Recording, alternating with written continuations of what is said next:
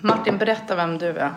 Nej, men jag heter Martin Sandin och titulerar mig eh, officiellt som storyteller. Eh, för att jag gillar att berätta historier. Och privat är jag ju eh, pappa till två barn och har en tjej som heter Lotta och vi är förlovade och ska förhoppningsvis gifta oss nästa sommar. Så det är, ehm, det är nog jag tror jag. Sen finns det väldigt mycket mer att berätta, men jag tror att det är de viktigaste sakerna. Det tror jag är de två viktigaste sakerna i mitt liv. Professionellt att vara storyteller, för det trivs jag oerhört bra med. Att inte vara inboxad i ett fack och inte vara så här du är journalist eller du gör det eller du gör det. Jag gillar att berätta historier. Jag kan, sen form och arena spelar inte så stor roll. Och sen att vara pappa. Mm, det känns som det viktigaste. Sen gillar jag att spela golf också. Mm. Och träffa dig. I gamla kläder spelar du golf. det, eller hur? Ja. Typ så här Eh, med träklubbor och så, liksom från, vad är det för tal? 20-talet eller? Ja, men det är ju, det, golf är väl den typen av sport som fortfarande bär på traditioner ganska mycket. Och en del av dem är ju rätt tramsiga och en del av dem är väl lite härliga typ. Eh, och, och då kan jag tycka att, att för min del att spela golf i, ibland att ha nickers, alltså så ja. korta byxor som går ner till knäna och sen långa strumpor. Äppelknyckarbyxor. Precis, ja. och så en liten smäck på det. Ja. Jag tror att en av mina största ögonblick som golfspelare, och jag har spelat golf i 28 år, är när vi spelade St. Andrews eh, som jag fick i 30-årspresent, vilket ju är, jag tror det är 10 år sedan. Mm. Vi säger det. Ungefär. Ungefär 10 år sedan. Då så hade jag eh, tweed på mig.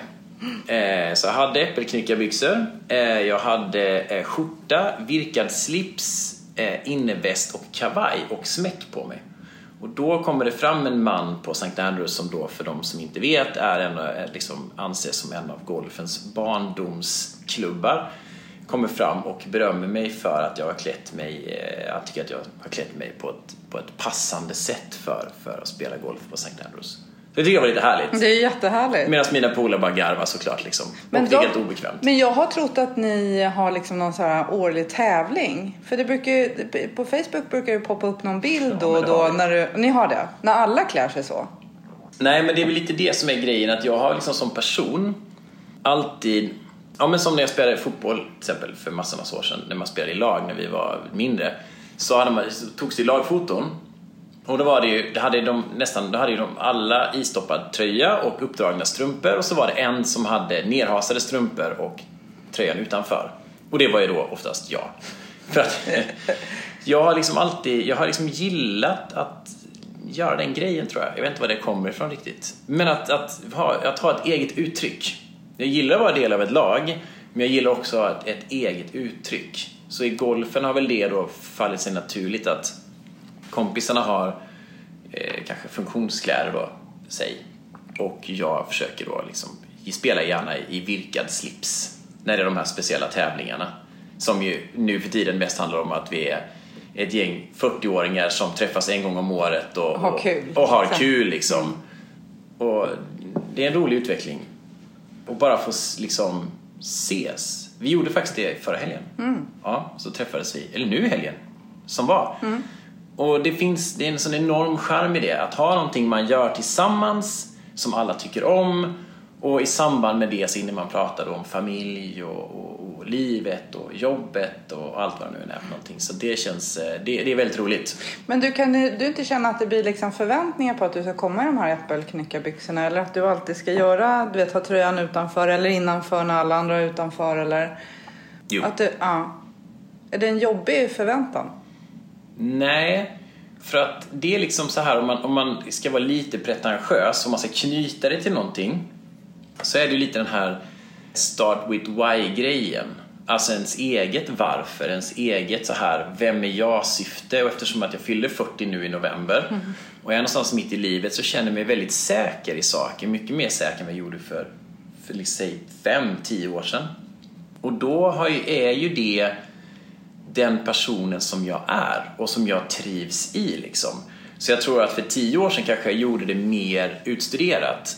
Men idag är det mer bara så som jag är och att jag blivit bekväm med det.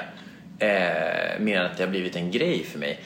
Men, men, absolut, sen kan det ju också vara så ibland att man känner att, att just ja, men i vissa sammanhang att man är liksom den som jobbar då kanske med media eller film och så gör alla andra någonting annat. Då blir man ju lite så här breakout-karaktär. Mm. Och att saker och ting kanske ska vara på ett visst sätt. Sen tror jag mycket, jag håller på att läsa mycket om eh, om, om ja, beteendevetenskap, om hjärnan, om dramaturgi och om man då pratar om, i, i de termerna, om identitet till exempel, så är det ju också identitet så formas den ju väldigt mycket av arv.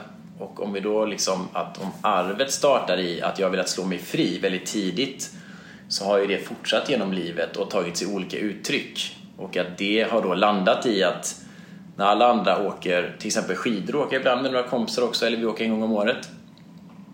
Då åker jag ju i, i anorak och de andra åker i, i liksom då moderna funktionskläder. Är det gamla kläder? Är det din grej? Ja, det är gamla kläder är min grej. Det ser ja. ändå ut som du har nya kläder på dig idag. Ja, men det är faktiskt, eh, det här är vintage, en t-shirt som jag köpte i, i eh, London som är sån här vintage där de tar gamla grejer och syr nya. Men det är inte riktigt grejen va? Att det ska vara gammalt och recycled eller vintage. Det är inte det som är din grej?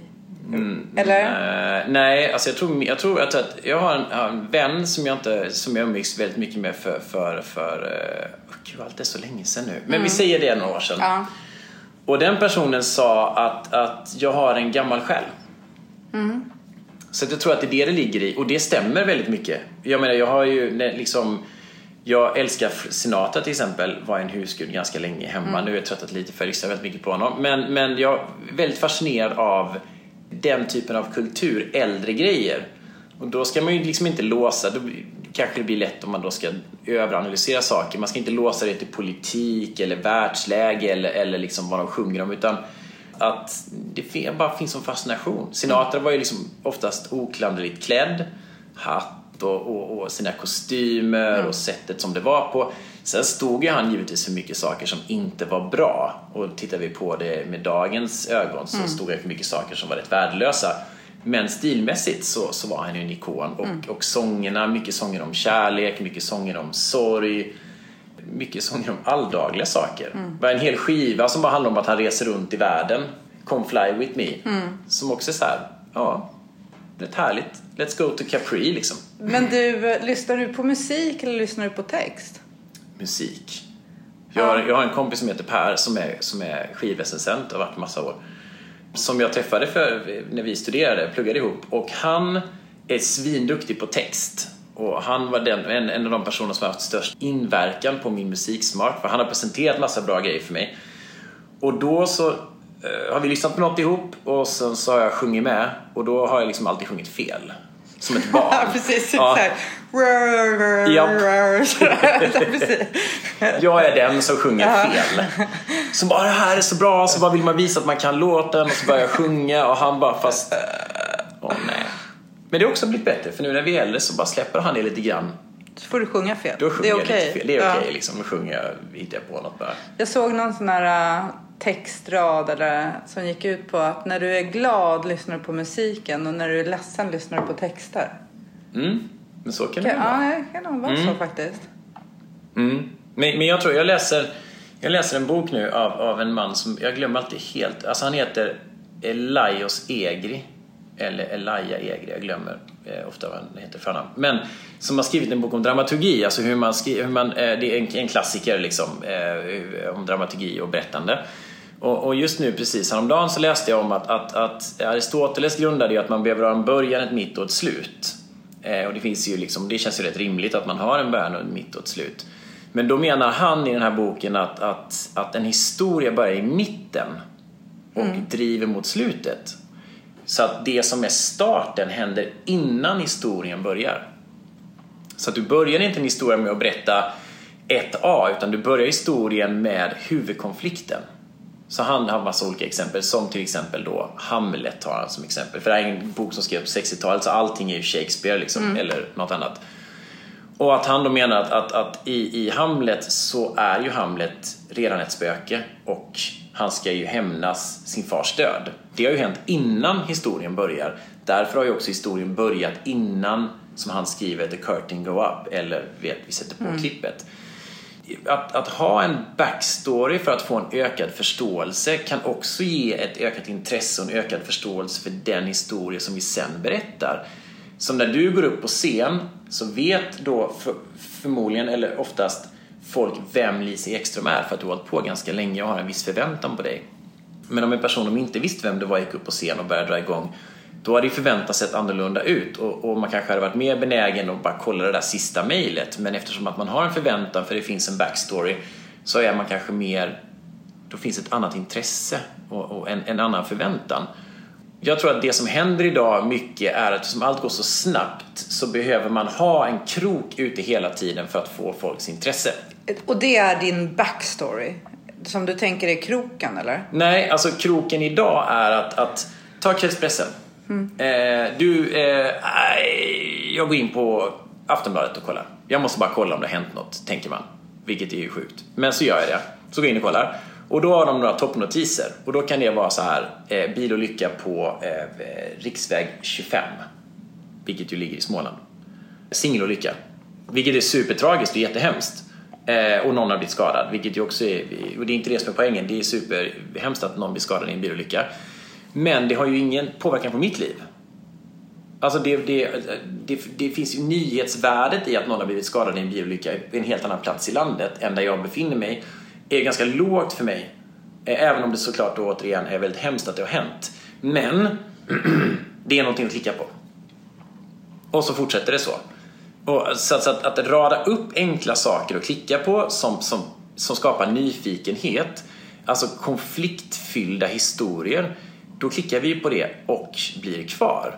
Men om första nyheten hade varit då en, en, en fördjupning i någonting, då hade man kanske klickat någon annanstans. Och det tror jag, det gör, och det är väl den tiden vi befinner oss i nu, att gå in på Aftonbladet och det inte finns en story som jag tycker är konfliktfylld nog för att titta på. Då går jag vidare till Expressen eller till Facebook. Jag fattar. Och då är det egentligen samma sak om jag ska hålla i ett möte eller om jag ska berätta någonting i mitt kompisgäng eller jag står på scen och berättar. Mm. Jag behöver börja med en konflikt. Ja. Så jag behöver tänka lite så här att okay, jag behöver börja med någonting som folk klickar på. Ja. Fast, jag in, fast det inte går att klicka på det liksom när det är live. Poker. Precis, ja. Mm. Eller hur? Det är, är lite så. För att jag kan, lite så här som du säger att det finns en förväntan på mig när jag kliver upp på scen och det kanske finns en backstory. För många gör det, men jag tror att det är väldigt många som inte vet vem jag är. Mm. Och jag kan ju väldigt ofta uppleva på så större sammanhang där jag föreläser att man kommer för att höra någon annan. Mm. Det är inte jag som har dragit dit folk. Men jag tänker ju då att de kommer för att höra någon annan men de mm. ska lämna och ha hört mig. Mm, det är bra. Så att jag tänker ju också lite så här att när det inte finns någon backstory mm. då har ju jag fritt spelrum. Lite så här. Mm. Är du med? Mm. På att, att hitta så här. Och jag kan väldigt ofta se hur folk tar upp sina mobiler eller kollar det där sista mejlet i publiken. Och det tänker jag, det blir ju min utmaning. Mm. Att göra någonting som, är så, som man är så sugen på att klicka på så att man lägger bort allting annat. Mm. Men, men det, en sak som jag vet, jag har ju lyssnat på dig ett par gånger och, och vi har ju jobbat lite så här mm. ihop. Det som han menar också i det här är ju också att det som du gör väldigt bra vet jag, eh, som ju är ett tips till alla som berättar en historia, det är ju att inte börja med backstoryn men väva in den i fortsättningen. Så mm. att du börjar med en konflikt som är stark. Vet ni vad? När jag skulle åka hit och jag kom ut så var min bil borta. Mm. Mm. Då, va? Ah, va vadå? Mm. Då blir man ju nyfiken. Vad har hänt med bilen? Det är ganska tydligt. Men att man sen, i, att man sen allt eftersom väver in bakgrunden. Mm. Så att du börjar liksom inte med Hej allihopa, jag heter Lisa. Här är en bild på när jag var sju år. Jag och min pappa var ute och fiskade. Ja, det skulle kunna bli bra men inte, det känns inte super, alltså jag vet inte. Men om, om du, vilket ju många föreläsare gör givetvis, men om du väver in det allt eftersom då får man ju ens, då väver man ju ut berättelsen. För det jag tror som han skriver om, och det finns en serie som heter Euphoria som är superbra, som beskrivs som skam om man har sett, har du sett skam? Mm, ja, gud. Ja, det är en amerikansk skam eh, fast på crack, typ. Aha. Ja, den, den handlar, det är väl ungefär samma setup. Det är ungdomar som går på high school man följer en, en karaktär i taget fast det är en, en karaktär som då är berättare men sen följer man olika karaktärer i gänget per avsnitt. Och de konflikterna är uppvridna till 100 det är mycket droger, det, den är, jag ska inte spoila, den är, den är väldigt tuff och, och bitvis väldigt jobbig att se, men den är väldigt bra. Där har de ju precis gjort det här att, att bak, alltså varför, så här, varför är vi som vi är? Är ju en oerhört spännande fråga. Om man är ute, vi tar så här, du är ute och på Tinder-dejtar så vill du veta vem personen är. Vem är du? ja då kanske man har ett alias. Jag har aldrig Tinder-dejtat men hört att om du träffar många personer så utvecklar du kanske ett alias för vem du är som du själv tror är likeable. Problemet är ju om du då har ett alias är att, att när, du kommer, när ni träffas fler gånger och kommer djupare ner så blir du ju, måste du till slut bli dig själv. Ja, precis. Ja. Shit! Shit också. Shit jag orkar inte vara den här Nej. fantastiska. Nej, Nej, jag vill bara vara mig. Ja, då blir man ju, det, då blir man ju liksom som, så, eh, eh, som Carrie och Mr Big i Sex and the City börjar eh, och de träffas i smyg och börjar på ett flott hotell och så slutar de på ett motell istället. I, i, i något avsnitt, om det är flera avsnitt så här att det blir, då sker det ju en förflyttning i det här och då är ju, vem är jag då? Och då är det så här, varför är jag den jag är? Och det blir ju bakgrundshistorien. Så i Euphoria så, så börjar avsnitten med att man får en bakgrundshistoria till den karaktären man ska följa. Så att du, följ, du har liksom fått se karaktären i ett tidigare avsnitt. Karaktären är på ett visst sätt. Dominant, eh, eh, elak, jag vet inte, vältränad, eh, vad det nu än är för någonting. någonting så här.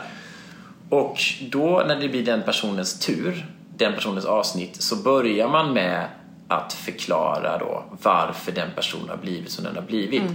Och det tror jag är en del av succén för den historien. För vi är nyfikna på varför har du blivit som du har blivit, som vi var inne på i början. Varför är du som du är? Mm. Då lyssnar man.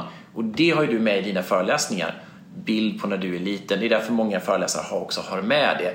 Jag blev sån här för att det här hände. Mm.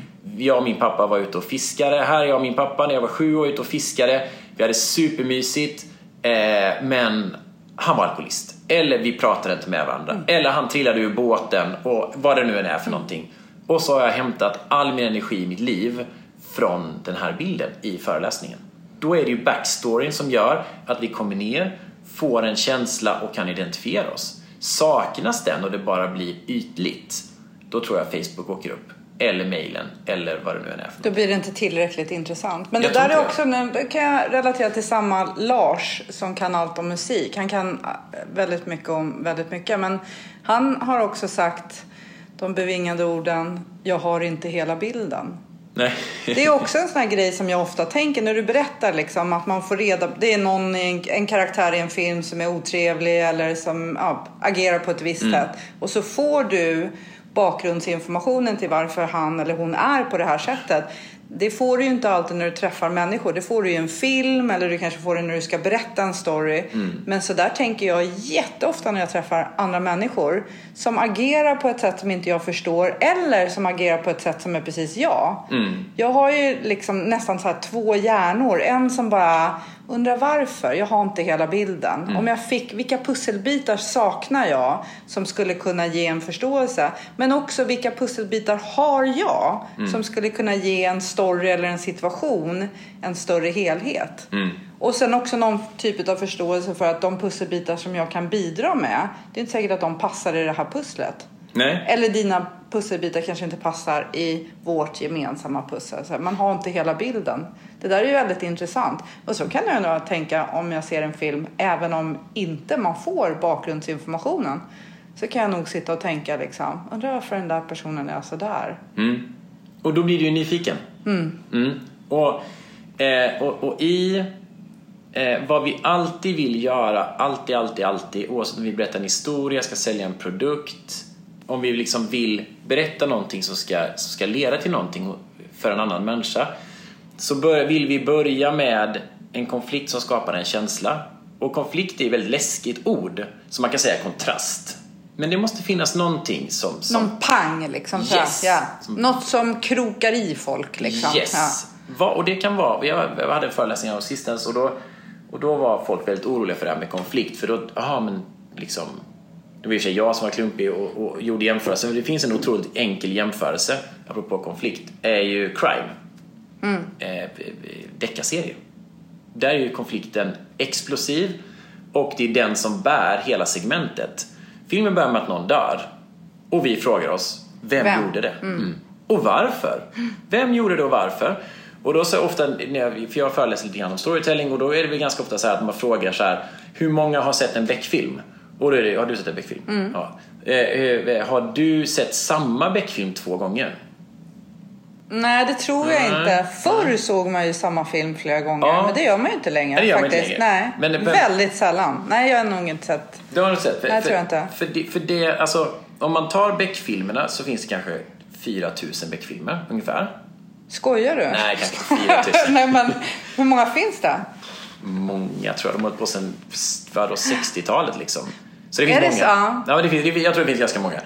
Eh, men, men de ser ju exakt på pricken likadana ut i sitt berättande. Mm. De är, är karbonkopia. Jag tror att alltså många, om man följer liksom, om man läser Hollywood-dramaturgi så finns det utskrivna minuter för när saker ska hända. Mm. Och en, en film som, har, som har, i 90% av alla fall, en film som har blivit en succé följer en viss templet och ett visst antal minuter. Här måste det här hända och här händer det här, händer det här.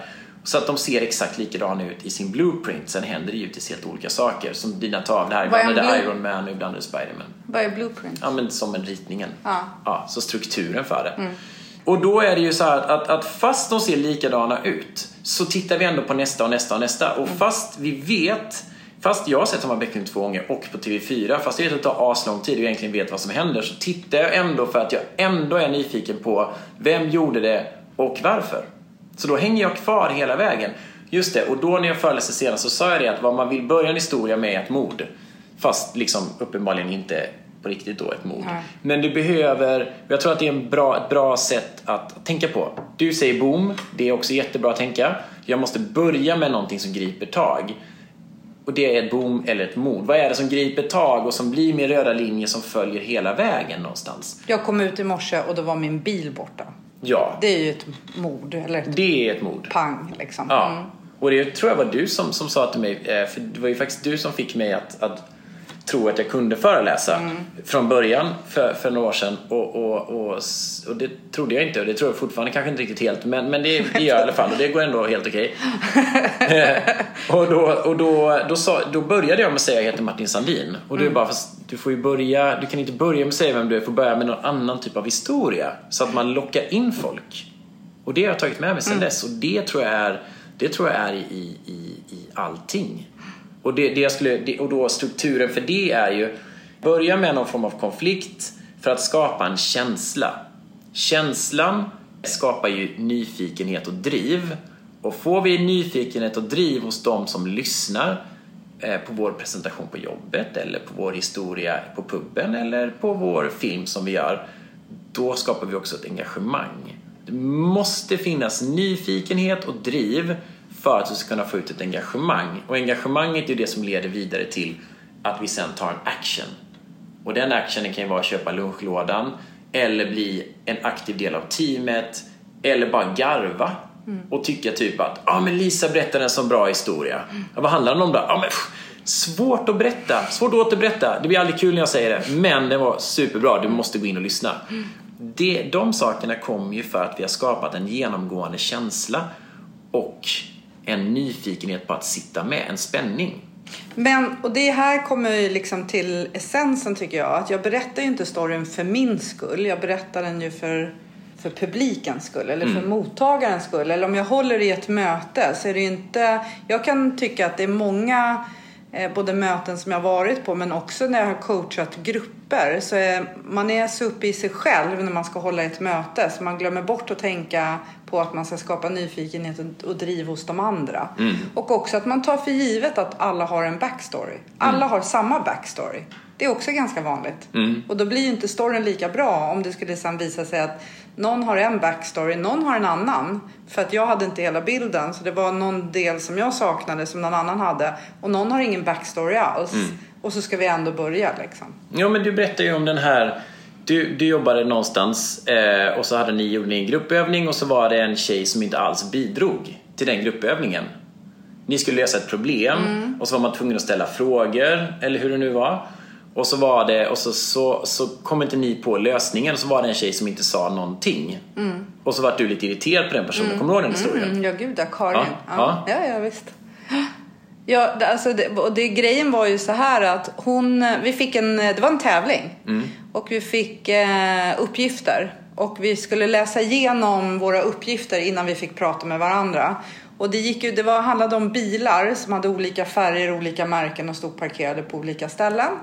Och eh, så stod det en fråga längst ner som var typ så här, var, var står den gröna bilen, vem äger den och vad har den för märke? Jag läser ganska fort. Eh, ibland så fortsätter jag missa, eller väldigt ofta så fortsätter jag missa detaljer. Men eh, jag var väldigt snabb och så av respekt för de andra så väntade jag liksom. Jag såg att folk var mitt i fortfarande.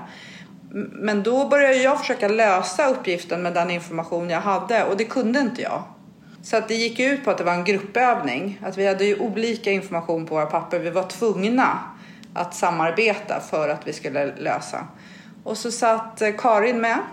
Hon sa ingenting och det var inte vanligt. Alltså det var en, Karin var en person som pratade ganska mycket och livfull och glad och så, men var helt tyst. Och jag blev så irriterad för att jag tyckte att det är ju ändå tävling liksom. Och det kanske inte är på liv och död men väldigt nära. och, och det var så uttalat att den som, ni som löser först, ni har vunnit liksom. Och då händer det något i mig. Så att jag var ganska frustrerad på henne och jag är helt övertygad om att hade du sett mig så hade det märkts på mitt kroppsspråk. Hur jag liksom så här, försökte hålla tillbaks liksom, men ändå inte riktigt lyckades. Och sen till slut så, så vart jag så irriterad så att jag kunde inte vara tyst och då sa jag det att du, har du ingen, ingenting att bidra med? Verkligen så nerifrån tårna. Och då så kom ju hon med någon information. Typ så här, ja, den blåa bilen står utanför ICA. Och då fortsatte vi med den information vi hade fått av henne. Eh, Och vi vann inte tävlingen för att vi blandade aldrig in Karin. Men på hennes lapp, för vi fick ju lappar allihopa då. På hennes lapp stod det högst upp att du får bara svara på direkta frågor. Just det. Så det var ju hennes uppgift i det här. Hon Ja. fick inte lägga sig i. Alltså hon, hon hade som uppgift att vara tyst. Och hon fick bara en fråga. Mm. Och jag kan säga att det där var en grej som jag lärde mig så mycket av. Alltså det här måste ju vara typ så här 20 år sedan det hände. Kanske ännu mer. Jag tänker så ofta på det när jag träffar grupper där någon är tyst. Så tänker jag att ah, där är Karin liksom. Var är mina Karins? Tänker jag liksom. För att om man inte blandar in alla, då, då får man ju inte hela bilden. Nej. Och, och jag har ett bra sätt och, och faktiskt för i det att få hela bilden. För att det, för att det som jag gör ju film så mycket som jag hinner och, och kommer fortsätta göra film och, och, och ska göra en serie snart har jag bestämt mig för. Men jag har också känt så här att jag är 40 och jag kommer kunna göra film i 40 år till. Så att jag har gått ifrån att ha panik för att jag inte är tillräckligt bra på att göra film och inte har gjort det tillräckligt snabbt till att känna så här att nu tar jag saker och ting steg för steg. Men det som jag är mest intresserad av, av, av allt och min drivkraft inom att göra film är identitet. För det är det mest spännande som finns tycker jag. Identitet är ju grunden till allting som finns. När det kommer till, ja, men, men egentligen kanske både djur och människor. Men om vi tar Karin. Vad är grunden till den personens identitet? Varför är man kanske då mer tyst eller, eller mer snackig? Och vad kan man som ledare eller som, som då regissör eller vad man nu har för någon, för någon titel. Hur kan man locka fram hela gruppen, att hela gruppen ska bli delaktig för att skapa, eh, få hela bilden? Det är ju lite, jag måste bara säga, för att det handlar ju om att locka fram Karinarna. Ja. Men det handlar ju också om att kanske tysta lisorna. Förstår du hur jag menar? Alltså, det Ja. finns ju de som pratar jättemycket. Mm. Det finns ju de som pratar utan att säga något. Det är bara massa Mm. ord som kommer ut. Så det gäller ju som ledare i en grupp, oavsett om du är chef eller in, om du är projektledare Mm. eller det gäller att se till att alla kommer till tals. Eh, så, att du får hela bilden. Ja, förlåt. Nej, men jag håller helt med. Och, där, där finns det, där finns det, och då finns det en nyckel i det som, som jag tror att, att, vi hade, att klimatet hade blivit bättre om vi hade frågat mer varför då? Det är världens bästa fråga. Så att alla runt ett bord får säga precis vad de tänker och tycker. För att den som då håller i mötet kan efter varje gång någon har sagt någonting fråga varför då? Så att om det är någon som man sitter, man kanske sitter inne i en pitch eller man håller på med ett manus eller man ska lösa en uppgift eller man ska bygga en bro. Eh, om man då öppnar upp mötet, om man nu, återigen, allt ska gå så himla snabbt hela tiden. Ja, vi har inte tid, vi har inte tid, vi har inte tid. Nu måste vi lösa det här nu. Men då tar man också den, den lösningen som ligger närmst. Men om man frågar alla så här, vad tänker du om det här? Om den personen får prata och kanske säger någonting som är så här, inte alls funkar. Då kan man ju fortfarande fråga den personen, varför då? För att om, om då en Karin mm. manar mod till sig att säga någonting och berätta någonting som dels tar det kraft och energi för, för henne eller honom att faktiskt säga någonting. Man kanske har tänkt ganska länge på det. Det kanske är den gången som hon känner att nu jävlar ska jag säga något på mötet och har laddat hela helgen till måndagsmötet. Och så möts hon av tystnad. Eller hon möts av en fnys. Ni vet, mm. du, eller ni, du, ja, här, ja, absolut. Att det bara blir tyst. Precis, ja. Jättespännande. Även om det är någonting som kanske är lite off topic. Jättespännande. Men varför då? Om då den personen som säger någonting kan förklara varför det är relevant för det som är då frågeställningen då kanske det är någonting att ta med sig. Mm. Men om den personen får frågan varför då och är så här, äh, men det är väl en skön grej. Ja, men då får den personen ta med det tillbaka, fundera ett varv till och komma tillbaka när de vet varför då. Mm. För vet vi inte varför, då vet vi heller, då kan vi heller inte ta med oss det vidare. Och jag vet, jag sitter och jobbar med ett stort projekt nu där jag försöker, eh, eller försöker, där jag bromsar in processen. Eh, där jag har projektledare, en projektledare som är superduktig men som vill få saker gjort. Nu gör vi det här. Nu gör vi det här. Nu måste vi få det här gjort. Nu måste vi göra det här. Men vad är det vi ska göra då? Ja, men alltså det är väl bara... Ja, det är, men varför då? Vad ska vi göra varför då? Det här bolaget som, som jag träffade igår. Att gå igenom punkt för punkt. Okej, okay, men vad vill ni berätta? Och varför då? Jag vet att ni har tusen saker att berätta, men om ni bara får singla ut tre grejer som någon ska ta med sig vidare från det här mötet eller från den här sändningen eller vad det nu är för någonting. Vilka är då de sakerna? Mm. Om ni bara får ta ut en sak, mm. en enda känsla mm. ska man ta med sig från en timme. Vilken är då den känslan? Är den tråkig? Det är inte så bra. Eller är den energifull? Är den glädje? Och hur når vi då i så fall dit? Och hur viktigt blir det att gnata om detaljer där man inte ens kan svara på varför de är med? Till skillnad från att bara så här, det här, då är vi inne på helhetsbilden. Varför gör vi de sakerna vi gör och hur sätter vi dem i liksom en kontext som gör att den som tittar, lyssnar, läser kan ta med sig någonting därifrån. Så där har ju jag gjort för mig själv. Nu är det ganska många år sedan men jag vet att under de år som jag jobbar på SAS och jag vet inte, jag tror att jag läste det någonstans. Men bara för mig själv så kunde jag gå på vissa möten och så kunde jag tänka så här innan jag gick på ett möte så tänkte jag okej, okay, på det här, vad är min roll på det här mötet? Är jag med som en deltagare? Ibland kanske jag skulle vara specialist, ibland skulle jag, det var, det var ju olika så här, mm. ibland kanske jag skulle vara ifrågasättande, på vissa möten så var min uppgift att vara stöttande. Och då speciellt i början så skrev jag upp det i mitt block. Så mm. skrev jag så stöttande. För att det är lätt att jag glömde bort att, ja ah, just jäklar. Jag skulle inte vara ifrågasättande, jag skulle vara stöttande. Ja. Och jag tänkte hela tiden så här att om jag reser mig upp och går ut ur det här rummet och någon, någon annan kommer in, om du kommer in och så ska du säga så här, kan ni beskriva Lisa med ett ord? Så tänkte jag att jag ska ha agerat så tydligt på stöttande mm. så att de ska säga, ja ah, hon var stöttande. Och lite så tänker jag också när det är värdeord som företag har. Om, om jag som kund ska gissa vad ett företag har för värdeord så ska jag på vad medarbetarna ger mig eller hur de agerar. Det ska vara så konkret så att jag ändå ska kunna gissa. Men jag måste säga det här varför. Det, jag fastnar ju lite i det här med liksom man måste hitta sitt varför. För att jag är ju 53, jag har fortfarande inte hittat mitt varför. Det är jättejobbigt när man säger man måste ha ett varför. Men jag brukar också säga att ordet varför är ett ganska hårt ord. Mm. Så att jag tänker om du, om du tänker att du har en Karin som har laddat hela helgen för att säga någonting som inte brukar säga så mycket. Eh, och så kanske hon säger det i, i, liksom på ett möte i hel, inför hela gruppen. Om jag tänker på vad hon har för känsla i kroppen då Mm. så är hon ju lite orolig liksom, när hon ska säga det här. Och om jag skulle då säga så här, okej, men varför då? Så skulle det lätt kunna bli så att hon får någon känsla av att hon måste försvara det hon har sagt. Så att, att varför är ett ganska hårt ord. Inte alltid. Men det blir lite så här, varför? Säger du varför då? Då måste jag försvara eller förklara det jag sa.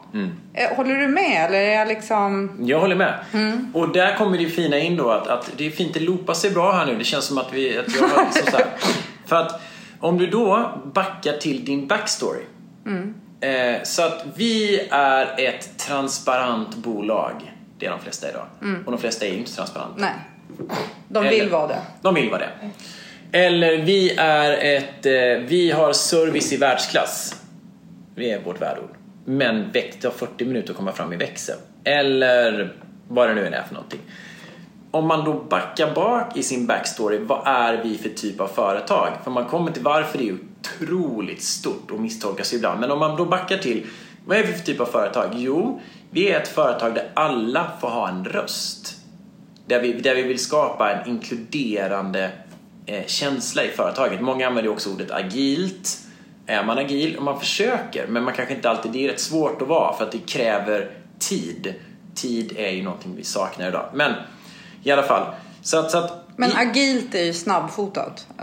Eller? Ja, men, men du måste ju fortfarande, det är fortfarande en process Ja. som du måste gå igenom. Så den är till för att vara snabbfotad, men det är fortfarande en process där du inte kan hoppa ett steg, utan det är väl fyra rutor du ska ta dig igenom. Va? Och då är det ju så att, att om du går från tanke till handling direkt, då har du inte marinerat det någonstans. Superbra Lisa, det kör vi på. Bra Lisa. Så, då missar du ju en bit i det, så det måste ändå ta lite tid. Men, men om du då, alltså, till då den här backstoryn, att, att inför, om, du, om du då är ett företag där det finns en kultur där vi lyssnar på varandra. Där det inte spelar någon roll om du sitter i repan eller om du är kreatör. Alla har en röst i ett möte. För att en bra idé, den kan ju komma var som helst ifrån.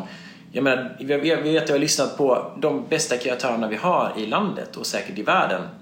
De gräver ju inte för, för inspiration där de står utan de tittar ju på vad andra gör också kanske i andra typer av branscher. Det vet jag att du har pratat om också. Att, att om, du ska, om du ska göra en bilreklam Gör inte samma bilreklam som alla andra för då blir det bara ännu en bilreklam. Utan titta vad du kan göra och ta inspiration någon helt annanstans ifrån. För då kommer du göra någonting som är annorlunda och sticker ut. Och för att få den inputen till någonting som är helt annorlunda så måste du också få den någonstans ifrån. Om det är tre, tre kreatörer, nu gör jag air quotes här inne, som, som sitter och är smarta tillsammans och tycker att de är jättebra. Då har de ju samma typ av idéer som de alltid har haft. Men om de skulle lyfta in någons morsa som kom in och sa konstiga saker bara, som min mamma förmodligen hade gjort. Inte konstiga, men liksom så här, lite out of the box grejer. Då kanske det hade fött någonting som har blivit en helt annan grej. Och det hade kunnat bli vinstspåret. Jo, precis. För det kanske är så att det är din mamma det, det är din mamma som ska se reklamen. Förstår du? Mm. Ibland så är det ju så att kreatörer gör någonting och som inte vi, marknaden, förstår. Mm, så kan det vara. Ja. Och så backar man tillbaka till den här bak- bakgrundshistorien att, att då är vi ett företag som är öppna för idéer och vi är inkluderande och vi är det på riktigt. Det är inte bara något vi har skrivit ut. Eh, och sen på mötet så inleder man mötet med att säga så här, vet ni, ja, vi, vi, det här mötet så, så eh, lyssnar vi på, vill vi få idéer från, från, från alla? Det kanske man har mält ut tidigare. Och vi vill också att det ska finnas en motivering till det och det finns inga rätt eller fel. Man kan inte säga tröga saker, man kan inte säga dumma saker. Det spelar ingen roll vad man har för titel i det här projektet. Det om du är projektledare eller kreatör eller om du är chef på företaget. Alla har en röst. Men du måste kunna motivera din idé. Då, då friskriver man ju också det lite grann. Så när Karin då, som vi har som exempel, får eh, då sagt sitt och får frågan, då är det lika för alla. Men då har du på något sätt, och det kanske är det du menar med backstory, då har du ju någonstans någonstans satt ramen för Ja. mötet. Ja, precis så. Eh, för jag tänker till och med när du säger det så tänker jag så här att jag skulle kanske till och med ha ett första möte där jag säger att alla har en röst, alla idéer är bra, ingenting är fel, spelar ingen roll vad ni har för titlar. Eh, och sen gäller det för oss att hjälpas åt att hitta en motivering. Ja. Så att det inte är Karin själv som behöver motivera i steg ett utan att vem som helst kan hjälpa Karin med hennes motivering. Mm. För att ibland har man ju idén men inte motiveringen. Den kan, det kan ju också vara... Men då har man ju nå- någonstans satt eh, eh, ramen liksom Mm. för det hela. Men, men, men jag vill ändå så här, jag skulle vilja ha av dig så här, några tips. Och då tänker jag att några av oss håller i möten. Eh, någon står kanske på scen och gör någonting. Det kan ju vara en stor scen eller en liten scen. Så här. Men eh, en scen som kan vara, det är ju på en middagsbjudning eller du vet, hemma med barnen. Så här. Om jag ska berätta en historia, en ganska så enkel story. Vad är det jag ska tänka på då? Mer än att först är det ett mord. Metaforiskt liksom. Ja. Det måste vara något som fångar intresset. Och det måste ju vara något som fångar intresset. Jag kom ut i morse och då var min bil borta.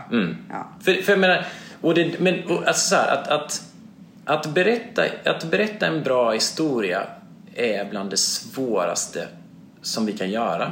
Om du ska hitta på den. Så är den ju extremt svår att berätta. Men om det har hänt dig någonting som du kan återberätta, som är en historia som är komplett, så är det ju ganska enkelt. Men jag kan ändå tycka så här att det finns ju människor som berättar enkla saker som har hänt dem på ett sätt som gör att jag verkligen vill lyssna. Och så finns det ju andra människor som inte gör det.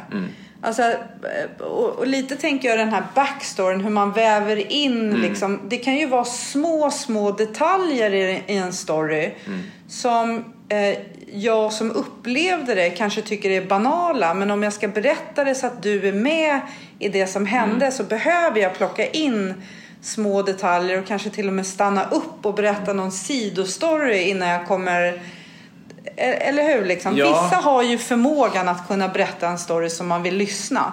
Och vissa människor har inte det. Och jag tänker Så- för de som det. inte har det. Vad ska man tänka på? Alltså, Mord? Ja, men, men så här då. Jag tror, jag tror, jag tror att, att vi har den förmågan när, när vi är små och sen så tror jag att, att via arv och via den, den identitet vi skapar så förlorar vi den förmågan till att börja med. Så jag tror att alla har den förmågan, den ligger latent någonstans. Men att vi har gett oss på och försökt och försökt i vissa fall och så går det inte så bra. Folk säger men det där var inte så kul och du kan ju inte... Men som folk som säger så här, jag är inte kreativ.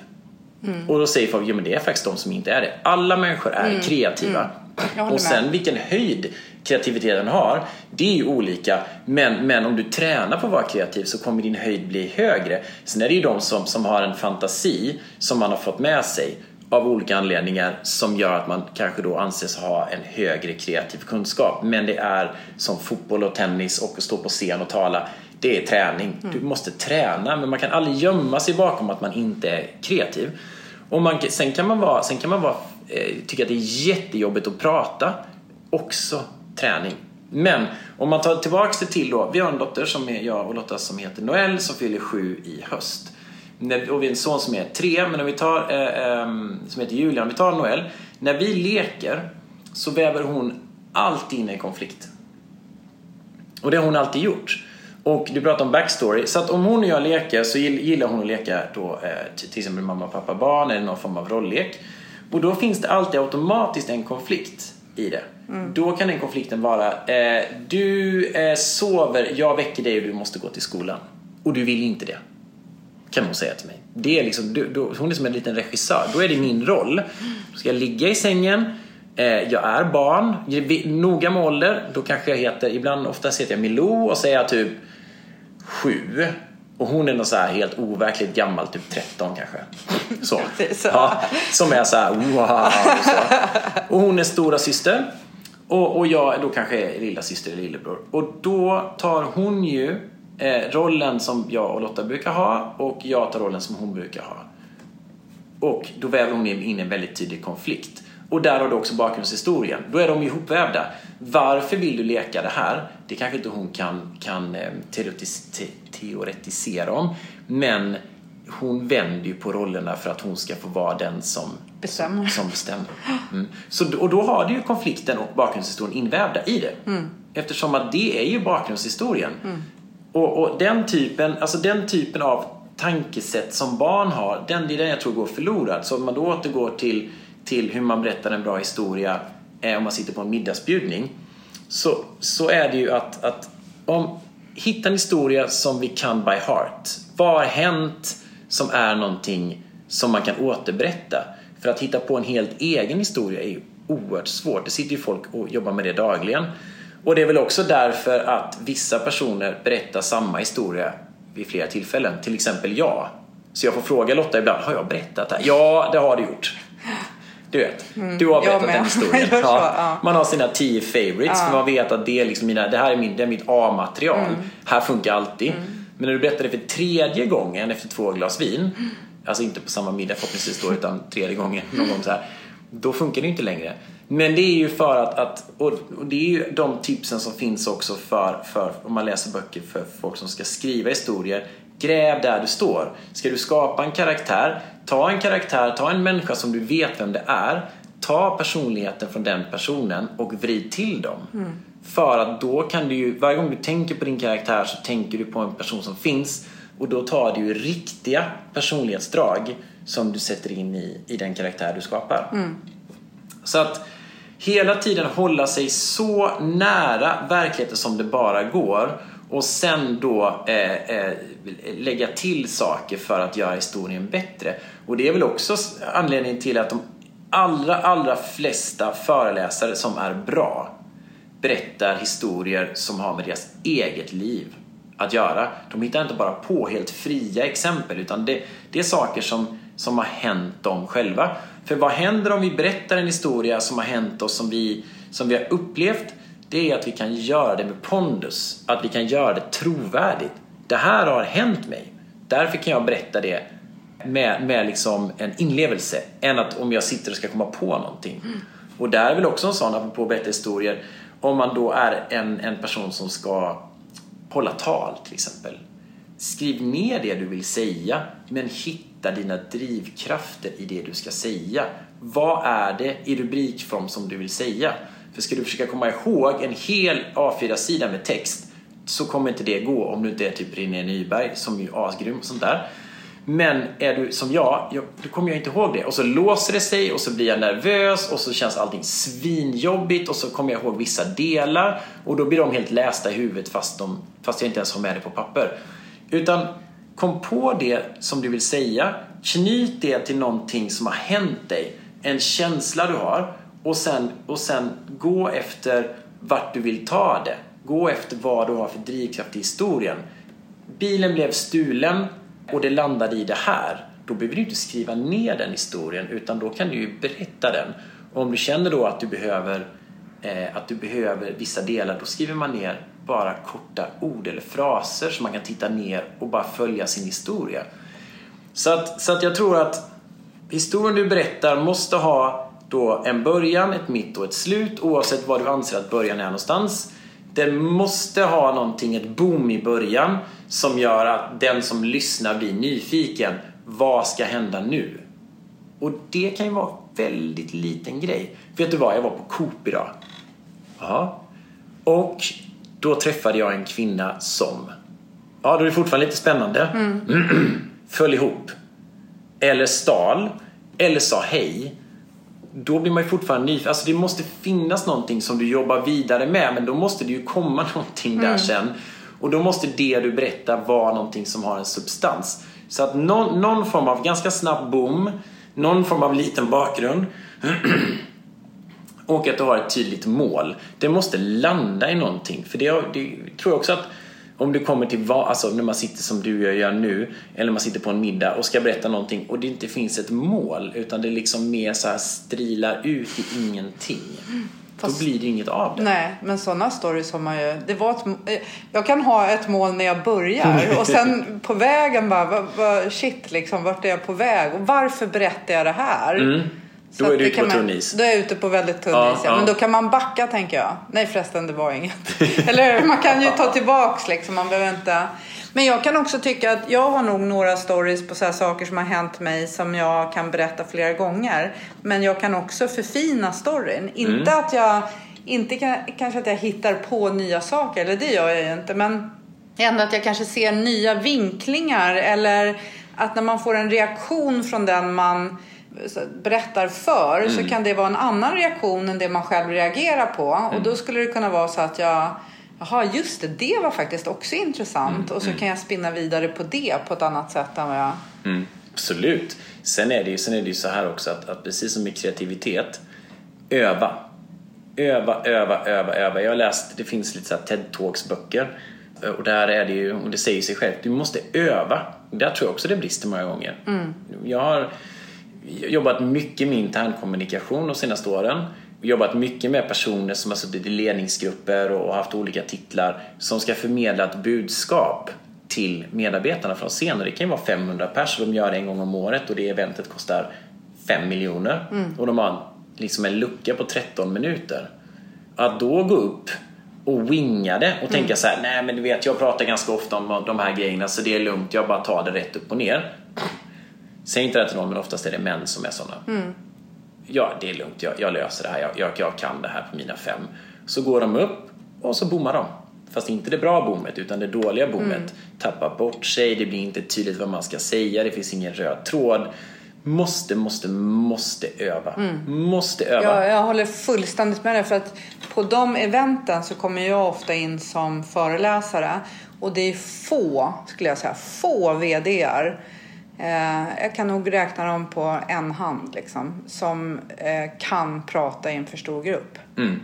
Eh, det är få och jag tycker att eh, det är förvånansvärt få som övar innan. Mm. Ibland så skriver de manus eller så har de jättemycket powerpoint slides men det är igen skulle jag säga väldigt ofta så är det saker, lite så som du säger att det här har jag pratat om så många gånger. Mm. Ja, det har du gjort med din ledningsgrupp men nu pratar du med dina anställda. Mm det är inte samma språk. Du behöver prata, liksom, de har inte varit med på 72 möten innan så du bara kan jacka i där. Utan du behöver liksom du behöver prata med andra ord och du mm. behöver prata på ett annat sätt. Jag kan också kasta in det absolut mest förbjudna mm. som Ja, det finns väl fler saker som är ännu mer förbjudet. Men om vi tar saker som håller sig inom det normala, nu gör jag air quotes igen normalt, eh, är att absolut inte gå upp på scen och berätta ett skrivet skämt. Så du får inte gå upp, om du till exempel är VD och någon annan, vilket ofta är, har skrivit manus till dig och så har du varit inne och petat lite själv och så har du skrivit ut någonting som du själv tycker är roligt och så levererar du det genom att läsa genom manuskorten. För att då är det ju helt uppenbart så att det är någonting som bara är nedskrivet. Om du berättar någonting med entusiasm, levande, det var så här och ni kan inte, du vet så här då kan man ändå gå igång på det och tro, och då blir det ju trovärdigt. Men om du läser ett skrivet skämt mm. och ingen skrattar åt det skrivna skämtet, då är din presentation död. Då är uppförsbacken efter extremt stor och det är därför många av de här idrottsgalor och Guldbaggegalor och you name it-galor eller intern kalas eller vad det nu är för någonting där programledarna från manuskort läser skämt mot varandra mm. som helt uppenbart är skrivet, vilket ju allt är någonstans förvisso. Mm. Men om man läser det och man svarar läst, mm. då finns det ju ingen, då finns det ju liksom ingen energi i det. Nej. Och det vet jag att en del, jag hade, jobbade med, med ett väldigt stort bolag förra året, slut på förra året, där VD gick upp och höll ett, ett förvisso ett, ett, ett bra, bra tal. Vi hade jobbat ganska mycket med texten men, men den här personen hade ett inskrivet skämt som hon själv tyckte var bra som var skrivet och då läste hon det från kortet. Och eftersom hon läser det så är det helt uppenbart vilken effekt hon söker och det landade ingenstans. Nej, i sådana fall skulle man ju kunna läsa, nu tänker jag så här, man skulle kunna läsa skämtet och säga att man har läst det. Det kan man göra. Då kan det ju bli roligt så här. Mm. Är, är du med liksom att uh, du behöver twista till det på något sätt mm. så att du ändå liksom bondar med publiken, eller hur? Så här, om jag skulle läsa ett skämt skulle jag kunna säga så här Ja, det där var... Så här rolig är jag egentligen inte. Men så jag var tvungen att skriva eller ta hjälp. Eller, mm. Då kan ju det i sig bli roligt. Ja. Men jag tycker att det är förvånansvärt många VDR, framförallt VDR, men även andra som man skickar upp på scen som gör ett väldigt, väldigt dåligt jobb. Och jag förstår det, för det är inte deras jobb. Deras jobb är att vara försäljningschef eller mm, marknadschef. Mm, mm. Det är inte att stå inför alla anställda. Men som du säger, oftast är det liksom, det sitter väldigt mycket människor i publiken. Man har tagit dem utifrån deras, de jobbar ju inte. Det kostar ju pengar att ha dem ur produktion om man ska säga så. Men ändå så använder man liksom inte tiden på ett sätt som gör att det faktiskt, eh, att man, att man använder tiden utifrån vad den är värd. Nej, så om, man, eh, om man du- schappar liksom. Ja, men om du också, så då det, det är också det du är inne på nu, att skoja med sig själv Mm. är, är väldigt bra. Att ta ner sig själv några hack är ju ett väldigt bra trick, apropå att berätta en bra historia. Att inte skoja med andra utan skoja med sig själv och därigenom skapa energi och kanske skoja med en företeelse.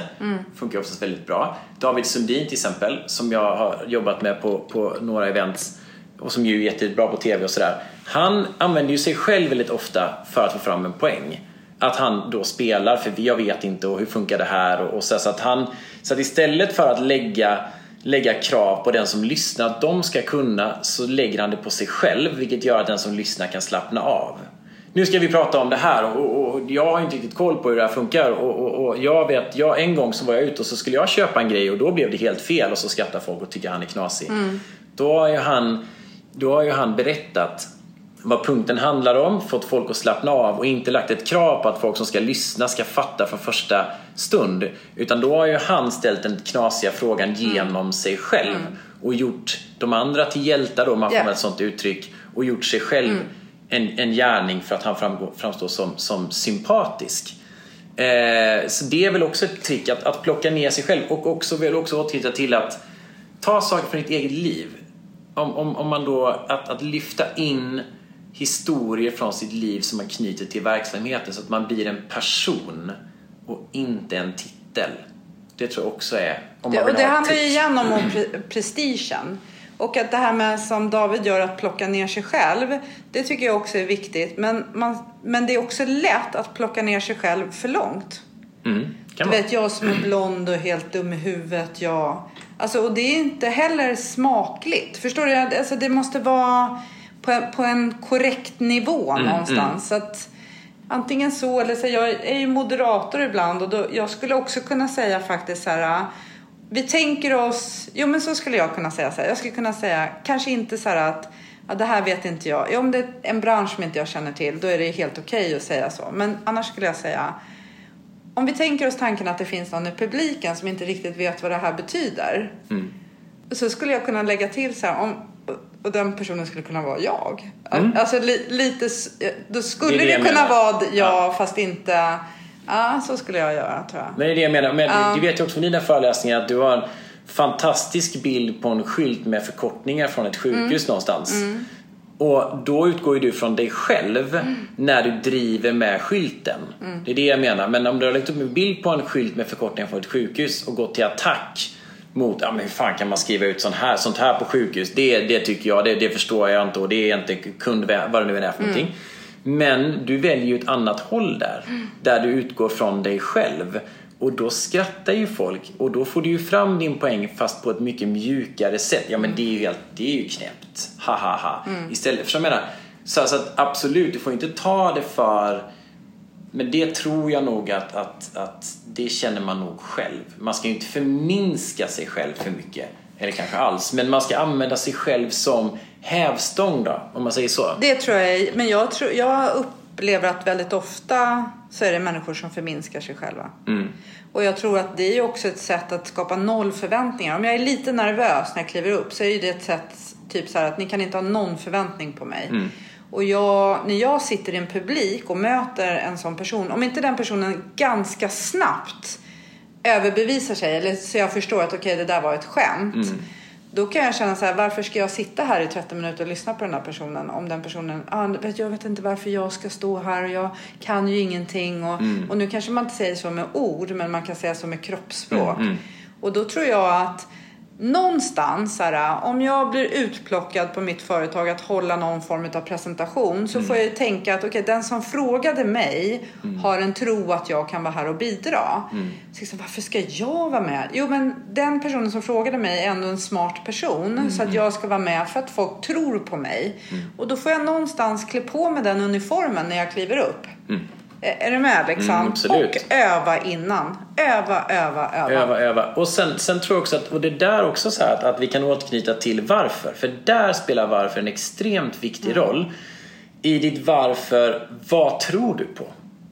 Så att, okej. det- för varför kan ju ibland, kan ju användas på många olika sätt. Det är ju ett sätt att ifrågasätta.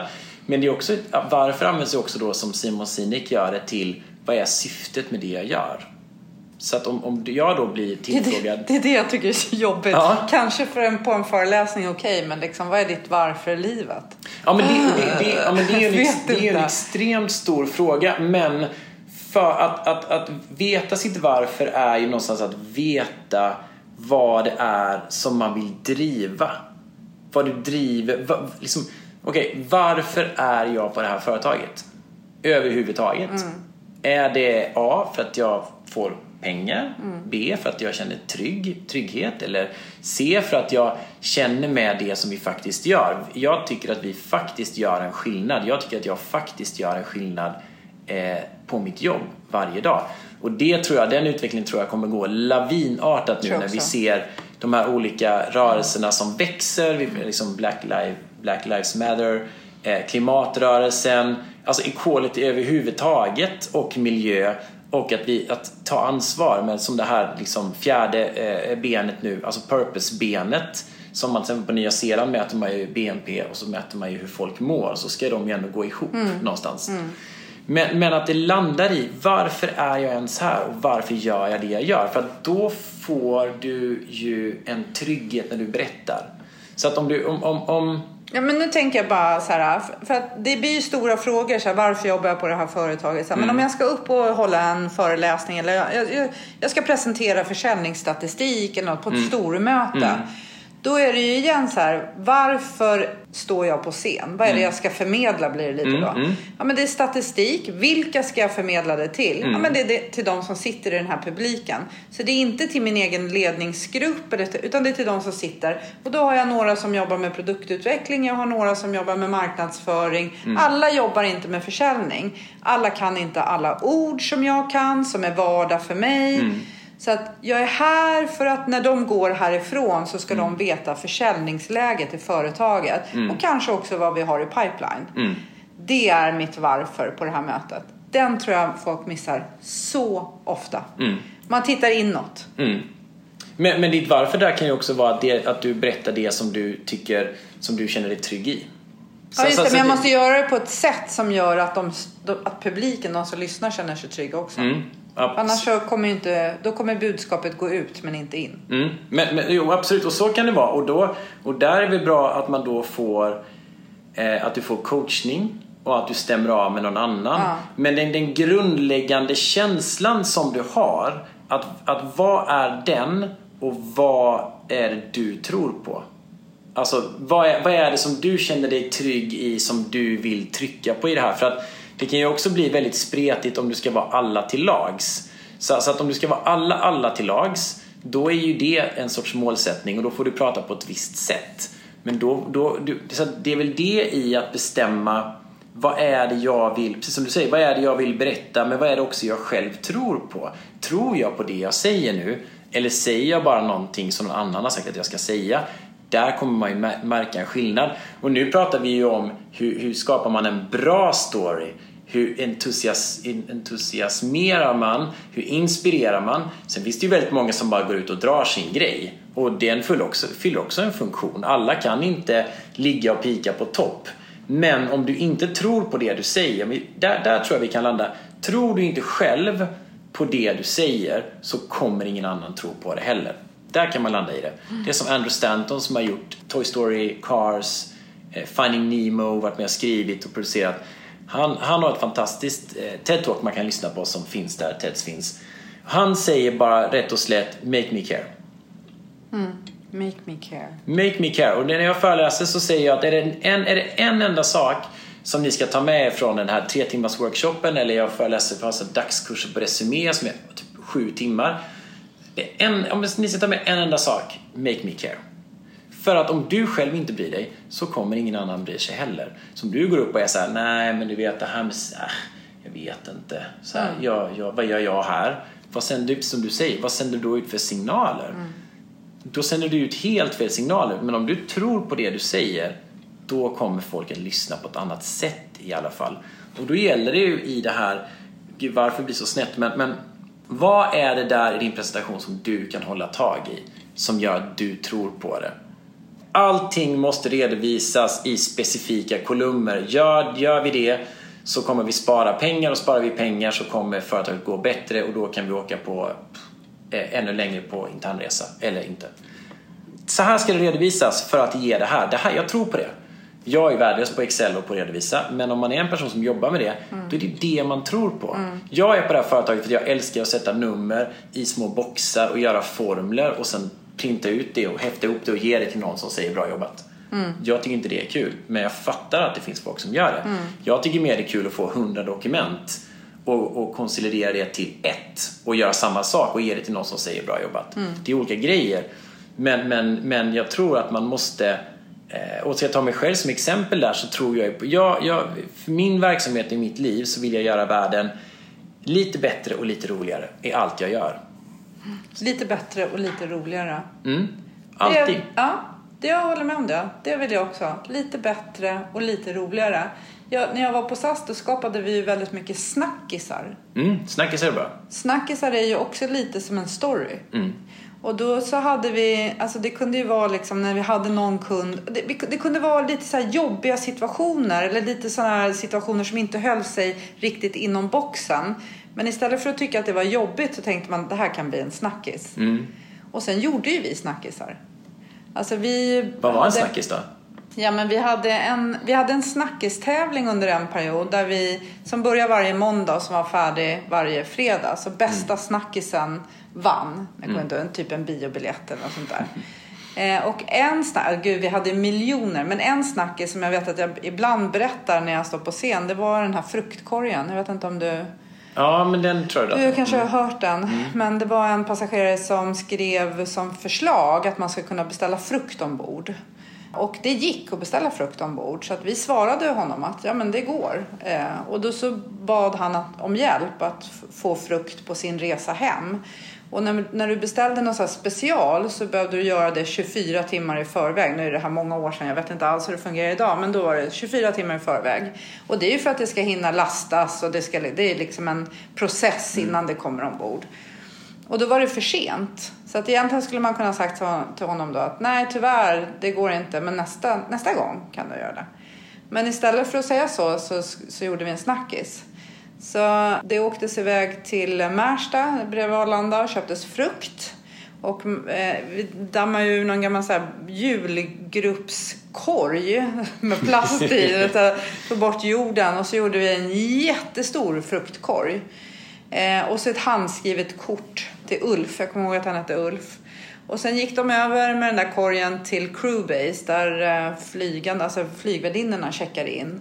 Så att de fick korgen med sig till Frankfurt.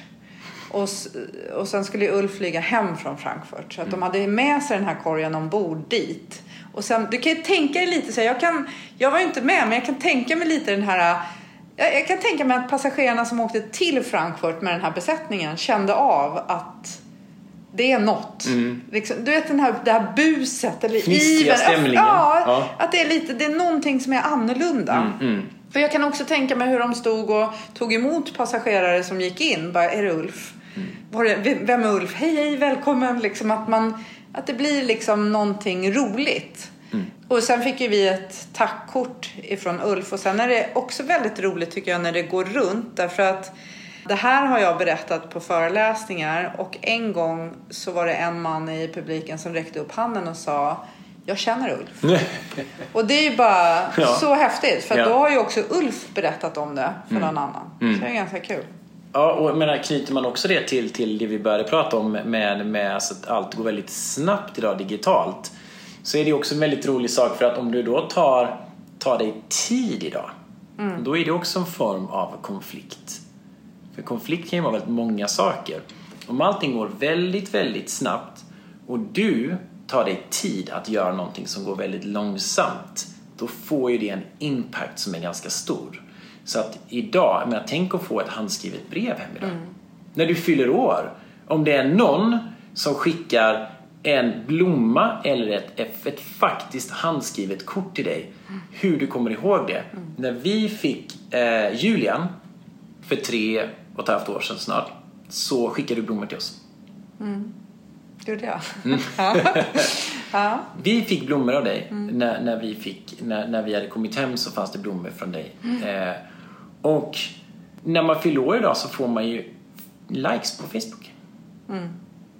Och då gör, och, och, om, om du likar på Facebook när en kompis fyller år så gör ju du som alla andra. Och det drunknar ju i likes. Det är jättebra att man kan göra det och det är jättekul att det är ett bra sätt att komma i kontakt med folk och allting. Jag säger inte att det är dåligt. Jag bara säger att, att för 20 år sedan skickade man ett kort eller ringde till någon. Idag skickar man en like på Facebook. Vad blir värt mest då? Då, är, har ju, då är, likesen är, har ju devalverats. Skickat faktiskt kort har ju blivit liksom wow. Skulle jag få ett kort när jag fyller år av någon så skulle jag ringa upp den personen med typ tårar i ögonen och bara shit du kommer ihåg att jag fyllde år. Du har postat det här kortet hos Postnord med förhoppningen om att det kanske kommer fram någon gång i rätt vecka i alla fall. Du har skrivit saker som du faktiskt med din egen hand och med din egen tanke som du faktiskt liksom står för. Du har lagt det, du har porta, du vet. Den tiden det tar, vad tar det att skicka ett faktiskt skrivet brev? En timme? Två? Tre timmar? Alltså, då blir det värt så mycket. Och det är ju som, som för att återknyta också till, alltså att det finns en serie som, som jag tror ligger kvar på Netflix som heter The Defiant Ones. Som handlar om en skivbolagsboss som heter Jimmy Iovine och om Dr Dre som är en hiphop-mogul. Och återigen, de här två, den är väldigt vinklad till deras fördel och de här två herrarna har säkert gjort både det ena och det andra som inte alls är okej. Men de har också gjort en fantastisk resa om man fråntar allt annat som de kanske har gjort som inte är så bra. Hur som helst, i den, i den, eh, i den serien så handlade det eh, eh, under ett stycke om, om Bruce Springsteen. För Jimmy Iovine var producent till, till Spring, en av Springsteens plattor, Born to Run tror jag. Och då i, i, i, den, i det segmentet så säger Springsteen Don't do like everyone else. Så när de skulle spela in Born to Run Don't do like everyone else. Och det är också en sån sak. Två grejer. Make me care och don't do like everyone else. För att om du gör likadant som alla andra då kommer du inte att stå ut. Och jag som är smålänning, född på 70-talet från en entreprenörsfamilj, sa jag Småland förresten? Som är så här, du ska inte tro att du är någonting. Du ska inte sticka ut. Du ska jobba hårt. Du ska jobba långsiktigt. Absolut bra grejer. Men i sådana små, små, små teskedsmått. För att om du då eh, ska göra någonting, skriva någonting, berätta någonting, bli någonting. Om du då gör precis som alla andra, det kan funka, men då blir du ju också precis som alla andra. Men om du är en filur som helt plötsligt står med nerhasade strumpor och t-shirten utanför shortsen på lagbilden, då är du plötsligt inte som alla andra. Sen kan ju det vara en bra och en dålig sak. Allting handlar ju om balans. Men till det som då vi har pratat om identitet. Vilken identitet skapar du för dig själv? Och vilken tror du på? Jag tror jätte- jättemycket på Don't do like everyone else. Som jag gör i kortfilmer till exempel. Och då finns det en väldigt tydlig väg i Sverige som man ska göra kortfilm på. Man ska skriva på ett visst sätt. Man ska, eh, eh, man ska söka pengar från SVT och från SFI och här i Stockholm från, från Filmbasen. Det finns saker man bör skriva om. Det finns, du bör gå och vara med på deras här, kurser. Och du, ja, du förstår, liksom, det finns ett sätt man gör saker på. Men jag har inte gjort det. Du har satt ner strumporna. Jag har satt ner strumporna för att jag känner så här att vill jag vänta på att få göra min kortfilm i ett halvår? Vill jag att någon annan ska bestämma över mig och det jag får göra och inte göra? Ska någon annan få bestämma om det här är en bra idé eller inte en bra idé? Absolut, man måste stämma av. Min tjej Lotta är oerhört tuff och sjukt jobbig i de här kreativa processerna för att hon hon är ärlig, vilket det är superbra. Så att allt hon säger tar jag på fullaste allvar när det kommer till det här. Men det är också superjobbigt. Så att, men att låta någon helt random person säga till dig så här: Nej, nej, vi tror inte på din idé. Och om jag då tar det som att okej, okay, men då slutar jag skriva då struntar jag i det. Då gör, då gör jag något annat. Jag börjar jobba 9 till 5 och sen så skriver jag aldrig någonting mer igen för jag kan inte skriva för att det är någon random person på SVT som har sagt vi tror inte på det här projektet för vi har andra som är bättre. Då tar ju sagan slut där. Men om du där istället då försöker göra någonting som alla andra inte gör och du orkar hålla ut. Den som orkar längst vinner har de ju sagt. Då kan du skapa någonting som verkligen är unikt. Men om du faller in i en folla över saker och ting ska vara, då blir ju ingenting unikt. Sen är det oerhört safe, såklart. Det är väldigt svenskt att bli som alla andra. Men jag måste säga bara, vi ska avrunda nu, men jag tänker Va? också, jag tänker så här, eh, att sticka ut, för jag tänker om det nu är film eller vad det än är. För mig, jag vet ju att jag har alltid liksom stuckit ut. Och jag behöver vara sann mot mig själv. Mm. Och de gånger som jag inte sticker ut, det är de gånger som jag får hålla mig själv tillbaks. Det kan jag göra, men aldrig särskilt länge. Det är bara, om jag tänker det här, om, om man skulle använda kortfilm. Så här, om jag skulle göra kortfilm, men jag gör inte som alla andra, utan jag sticker ut. Mm. Så det är ändå någon som ska köpa min idé. Mm. Och jag, det kommer ju tillbaks till det här med publiken. Om jag berättar en story så gör jag inte det för min skull. Jag gör det för att någon ska lyssna på storyn. Mm det är klart att jag ibland kanske berättar för att jag har ett behov av att berätta. Men oftast måste du ju ha någon som lyssnar. Det är mm. någon som berättar och någon måste vilja lyssna. Mm. Annars blir det ju liksom ingen bra story. Mm. Och samma sak, om ingen köper min kortfilm som jag gjorde när jag stack ut. Mm. För att man köper inte sådana kortfilmer. För att de som köper är också i den här follan Förstår du vad jag menar? Mm, jag du måste precis. ju försöka hitta någon då som också är lite crazy, lite utanför boxen eller har en annan box som... Ja, det gäller, men, men, men, men för mig så handlar det så mycket om att ändå vara sann mot mig själv. Mm. Eh, men också med någon form av förståelse för att jag kan inte vara sådär utanför boxen och, och busig och påhittig och kreativ. Och, utan ibland behöver jag dämpa mig lite för att annars så tas det inte emot väl. Nej men då har du hittat ditt varför. Med att sticka ut ska man ju bara, bara då bara förtydliga att det handlar inte om att klä sig i julgrans belysning och ha en vägkon på huvudet. Utan så. Nej, Stick, sticka ut handlar ju om att, att sticka ut på det hållet som man, som man, det man tror på och den man själv är. Det är tillbaka till varför gör jag saker? Mm sticka ut är ju att våga tro på sig själv och göra saker som man tror på. Jag har ett jättebra exempel på det, apropå film. Josefin Bornebusch, som ju man känner igen från Solsidan, som ju också är superduktig regissör och manusförfattare, skrev under fyra, för jag läste, fyra, fem år så skrev hon på en, en, en serie, en, en, drama, en dramaserie om kärlek som utspelar sig i Stockholm och som, är, den är, som, som, som håller sig väldigt nära verkligheten i, i, sin handling. Serien har jag hört handlar också väldigt mycket om henne som person och hennes erfarenheter. Hon skrev på den i 4-5 år eh, och det var oerhört nära att det inte blev någonting för att den fick inte fäste. Vilken är publiken? Eh, vi har svårt, kanske svårt att få ut det här. Det här är inte, inte timing just nu. Eh, serien heter Älska mig mm. och gick ju upp nu på Viaplay om det var i höstas kanske. Eh, och har ju blivit en, en gigantisk succé mm. och har nu också då tudunch, sålts vidare till SVT.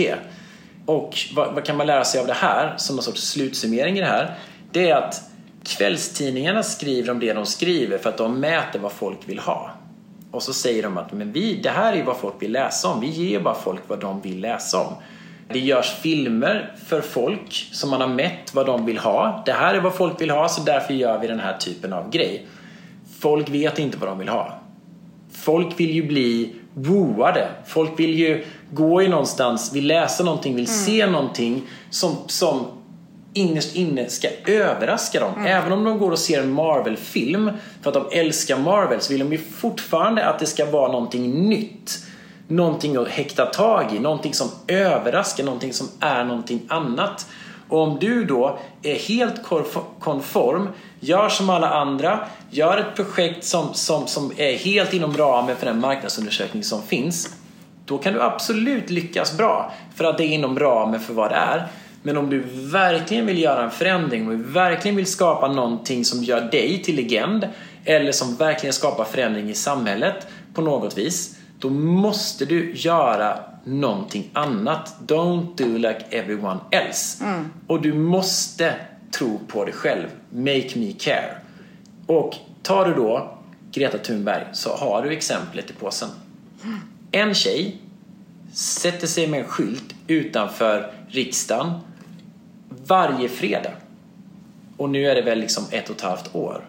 När hon satte sig med skylten utanför riksdagen, de klapparna hon fick på huvudet då, säkert fysiskt men också på nätet eller var det nu är någonstans. Stackars lilla flicka och sitter där och det är kallt och vem ska bry sig om henne och det här kommer inte bli någonting med dig och det borde vara i skolan istället. Och Säkert hennes mamma och pappa, hur kan ni låta henne inte gå i skolan? Varför får hon sitta Du har ju själv, du ju Ja, själv ja de här alltså, vet, vet du, jag la ut på Facebook då, vad kan det ha varit, eh, kanske efter förra sommaren, att ja, jag var en av dem som tyckte liksom, men jösses, ska hon inte gå i skolan? Och hon har väl typ den bästa skolan man kan tänka sig. Mm. Och nu är hon en av de viktigaste eller en av de mest inflytelserika personerna i världen när det kommer till klimatfrågor. Hon har ingen lösning på dem. Men hon vet sitt varför. Det måste till en förändring. Det är det hon brinner för. Och ni måste lyssna på vetenskapen, för det är de som vet. Och då har ju hon gjort precis det. Hon gör något hon tror på och hon har gjort helt annorlunda än vad vi någonsin tidigare har sett. Just i den frågan, just på det sättet. Hade hon gjort som alla andra, då hade hon ju bara blivit som alla andra. Så hitta ditt varför och eh, fastna inte i follan. Nej, det tror jag. Att försök hitta något. Och återigen, inte för, om du gör saker, om du försöker stå ut för sakens skull, det blir inte bra. För då har du ingen backstory, då är det ju helt tomt. Då kan inte Dessutom svara. orkar du inte det så länge. Det är Nej. ungefär som att Tinder-dejta och vara ditt bästa jag. Ja. Och sen så kommer verkligheten ikapp och då orkar du bara vara ditt riktiga jag. Så att, Ja. Och då är, hittar du ditt varför, då är det ju någonstans ditt riktiga jag. Så att ditt varför kan ju också vara så här att du faktiskt älskar att prata och trivs på scen. Och att det är det som gör dig lycklig och ger dig energi i livet. Förutom resorna då. Och kanske lite olika scener, tänker jag. För att det Mm, behöver ju inte absolut. vara en stor scen på Oscarsteatern. Det kan ju också vara en mindre grupp eller... Ja, Men det är också det som är, det är det också för att, med varför att det, det är också ett varför. Så det behöver inte vara att förändra världen. Utan ditt varför kan också vara det här får mig att må bra. Och det känner jag trygghet i och det är därför jag vill vara i den här zonen. För då blir du trovärdig och din energi blir naturlig och äkta. Det var ett bra avslut, tänker jag. Yes. Naturligt och äkta. Ja, Ja, tack snälla Martin. tack.